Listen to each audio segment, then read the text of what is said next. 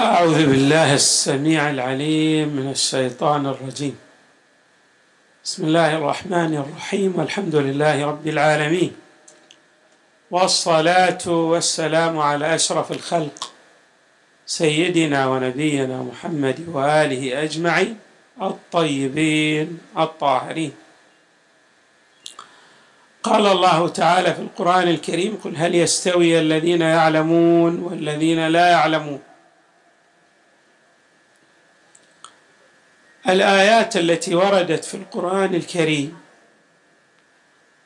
عن أهمية العلم آيات متعددة وكثيرة. ولكن العلم والمعرفة لا يتأتيان بالسهولة واليسر. لا بد من بذل الجهد وبالتالي الوصول إلى العلم والمعرفة. في هذا الزمان الذي نعيش فيه هناك أمور كثيرة تبعد الإنسان عن العلم والمعرفة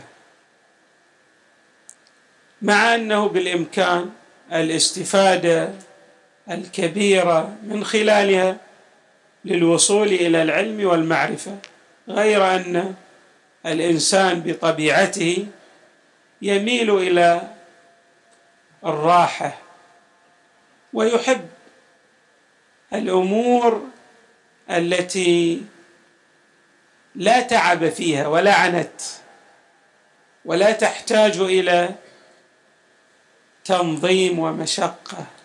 يعني يريد أن يأخذ الأشياء بغير الطريقة المثلى إذا صح التعبير. ولعله لذلك جاء في بعض الروايات حفت الجنة بالمكاره والنار بالشهوات.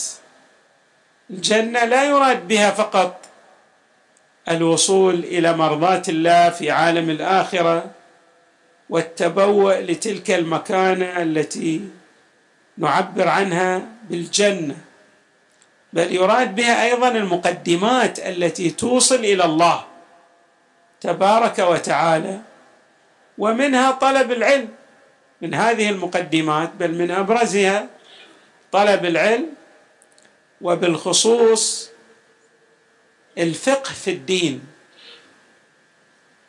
ولقد ذكرت أكثر من مرة بأن الفقه في الدين لا يراد به المعرفة للأحكام الشرعية. فالمعرفة للأحكام الشرعية تمثل جزءا من الفقه في الدين. الفقه في اللغة يراد به الفهم والوصول إلى إدراك المعنى. فالفقه يشمل الأخلاق ويشمل العقائد ويشمل جميع ما يمت بصلة إلى إيصال الإنسان إلى معرفة الله. وبمعنى آخر كما يعبر بعض علمائنا بأن ما يجعل الإنسان في دائرة العبودية للحق تبارك وتعالى. ما يقربه إلى الله. فهذه المعارف نطلق عليها المعارف الفقهية. الاصطلاح في إطلاق الفقه على العلم بالأحكام الشرعية هو اصطلاح متأخر. في الأصل كان الفقه يطلق على المعرفة الدينية. ولهذا عندما جاء يعني بعض السائلين إلى رسول الله صلى الله عليه وآله وسأل عن بعض المسائل فأجابه النبي صلى الله عليه وآله وأخبر النبي أنه سيطبق ذلك لا يزيد عليه ولا ينقص منه. قال النبي صلى الله عليه وآله أفلح إن صدق. يعني الشاهد أن الفقه لا يطلع على آه، المعرفة بالحكم الشرعي فقط بل يطلق على الفهم الديني. ولعلكم ترون مثلا في بعض الروايات الواردة عن أئمتنا صلوات الله وسلامه عليهم أجمعين التعبير بالفقيه عن بعض أصحاب الأئمة مع أنه لا يعني ليس بمتخصص في المجال الفقهي بالمعنى الاصطلاحي وإنما يفهم عمقا في الدين بنحو عام. فالإمام المعصوم يطلق عليه الفقيه بهذا اللحاظ يعني بلحاظ الفهم للشريعة. شاهد أن هذا الفهم للشريعة يتطلب مشقة يتطلب تعب ويحتاج إلى عوامل مساعدة بالخصوص كما قلنا مع أن يعني النت شبكات التواصل الاجتماعي تجعل الإنسان يعني يتوق أن يتعامل مع هذا العالم المفتوح على مصراعيه ولا يخصص وقتا محددا لمعرفة الدين. مع أن معرفة الدين هي أوجب الواجبات لأن معرفة الدين تجعل هذا الإنسان يسير في طريق الحق تبارك وتعالى وبالتالي يضمن المستقبلين. المستقبل الأخروي الذي خلق من أجله وحتى المستقبل الدنيوي لأنه سيعيش باطمئنان وأمان وثبات في شخصيته. فالمعرفة الدينية جد هامة في غاية الأهمية. كما أسلفنا تحتاج إلى الجهد الكبير ولكن تحتاج إلى العوامل المساعدة. من أهم العوامل المساعدة ما يقوم به الأبوان. الأب والأم لهما التأثير الفاعل والقوي في جعل الأبناء يسيرون في الاتجاه الصحيح والسليم. بمعنى يحصلون على الزاد المعرفي من الناحية الدينية. وهذا يتطلب أيضا توجيه مستمر. يعني لا يقول الأب أو تقول الأم أبلغنا هذا الابن أكثر من مرة ولكنه يعني يسير في اتجاه معاكس. لا يحتاج تكرار ويحتاج إصرار بل ويحتاج أيضا ماذا؟ نحو من ممارسة الضغط.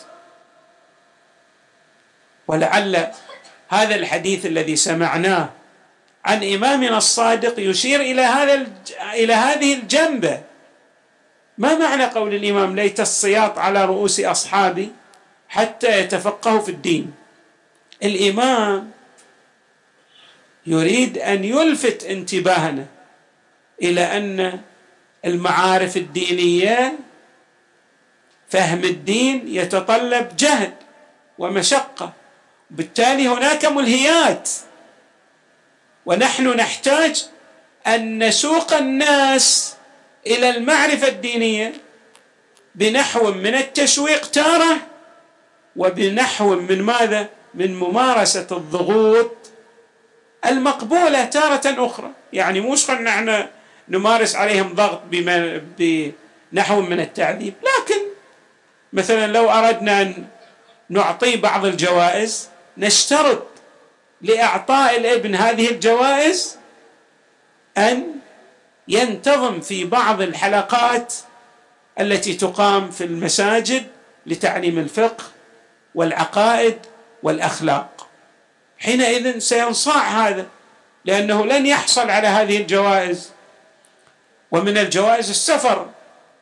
لو أردنا مثلا أن نسافر وأن نأخذ هذا الولد أو تلك البنت معنا في سفرنا بالنسبة للأبوين يشترطان على أنه لا يؤخذ ذلك الولد أو تلك البنت إلا إذا انتظمت في حلقات الدروس. من الأهمية بمكان أن نمارس هذا النحو من الضغوط لإيصال الابن أو البنت إلى مستوى من المعرفة الدينية. يوجب التحصين بالخصوص ونحن في عصر فيه الكثير من الشبهات. فإذا الإنسان لم يحضر هذه الحلقات التي تقام في المساجد لن يحصل على هذا التحصين لن يحصل على الزاد الكافي. وبالتالي إذا لم يحصل فيصبح ريشه في مهب الريح. أقل شبهة تمر عليه. ستؤثر تاثيرا سلبيا في إيمانه وتزعزع يقينه وتجعله والعياذ بالله ينحرف. فيصبح الأم تصبح الأم أو الأب يندمان ولا تحين مندم لن يفيد عندئذ الندم. فاذا حري بنا أن نشجع أبناءنا في حضور هذه الحلقات.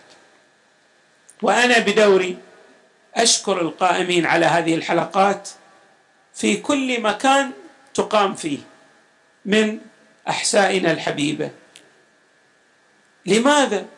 لأن هؤلاء الذين يضحون بأوقاتهم في سبيل الله في الحقيقة أيضا يقومون بدور رائع وجميل وهو دور مرضي عنه من قبل المصطفى صلى الله عليه وآله والأئمة من أهل البيت وبالخصوص من قبل إمام زماننا لأن الإمام ماذا يريد من الناس؟ يريد منهم أن يستقيموا على الطريقة السليمة والصحيحة أن يعملوا بأحكام الله تبارك وتعالى أن يسيروا في الصراط المستقيم.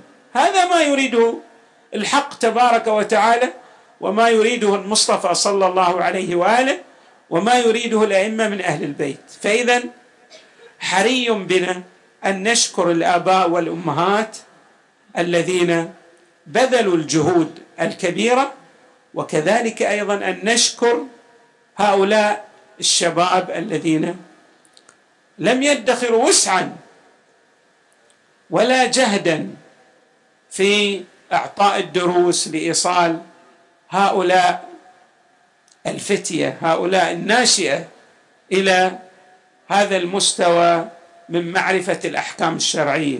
نسأل الله تبارك وتعالى أن يتقبل من الجميع وأن يأخذ بأيديهم إلى السداد وأن يجعل أعمالهم خالصة لوجهه الكريم وأن يجعلهم مع محمد وآل محمد في الدنيا والآخرة. وصلى الله وسلم وزاد وبارك على سيدنا ونبينا محمد وآله أجمعين الطيبين الطاهرين.